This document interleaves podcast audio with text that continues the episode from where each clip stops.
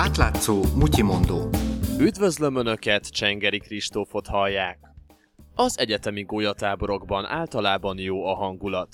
Egyesek pedig pont ezt a felszabadult légkört használják ki.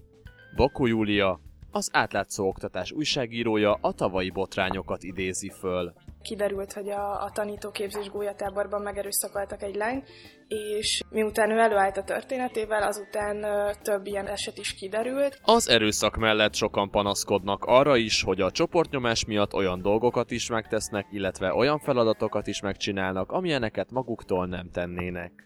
Vannak ugye rengeteg ivós feladat, ez azért elég közismert, amivel, és ezt a cikkben is írom, alapvetően nem lenne baj. Ott kezdődik a baj, ha, ha valaki ezt kényszernek érzi.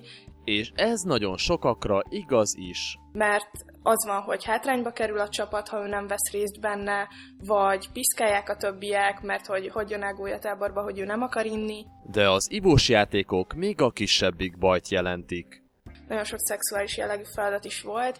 Nem feltétlenül kell a legdurvább dolgokra gondolni, de tehát ilyen vegyétek le a ruhátokat, kössetek belőle minél hosszabb láncot, típusú feladatok, amikor pluszpont jár azért, ha leveszed a melltartót, bugyit, nem tudom, alsógatját.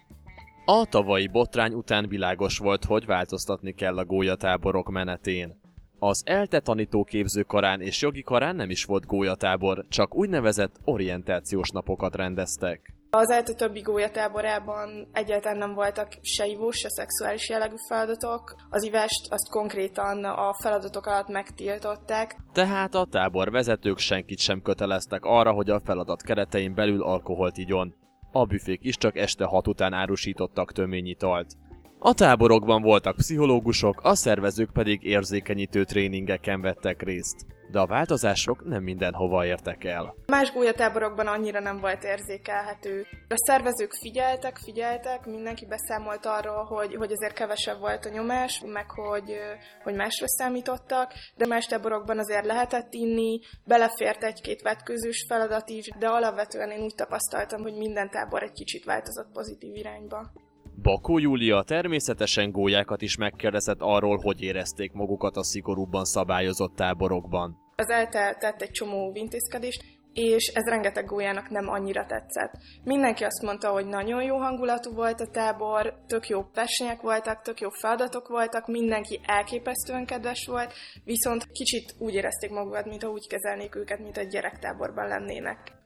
Bár a vélemények eltérnek arról, hogy milyen az ideális gólyatábor, abban egyetértés van, hogy a rendszeren változtatni kellett, és még kell is.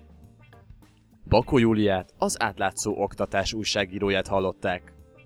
A mai mutyimondót Csengeri Kristóf készítette, közreműködött Mongatilla és Lé Marietta.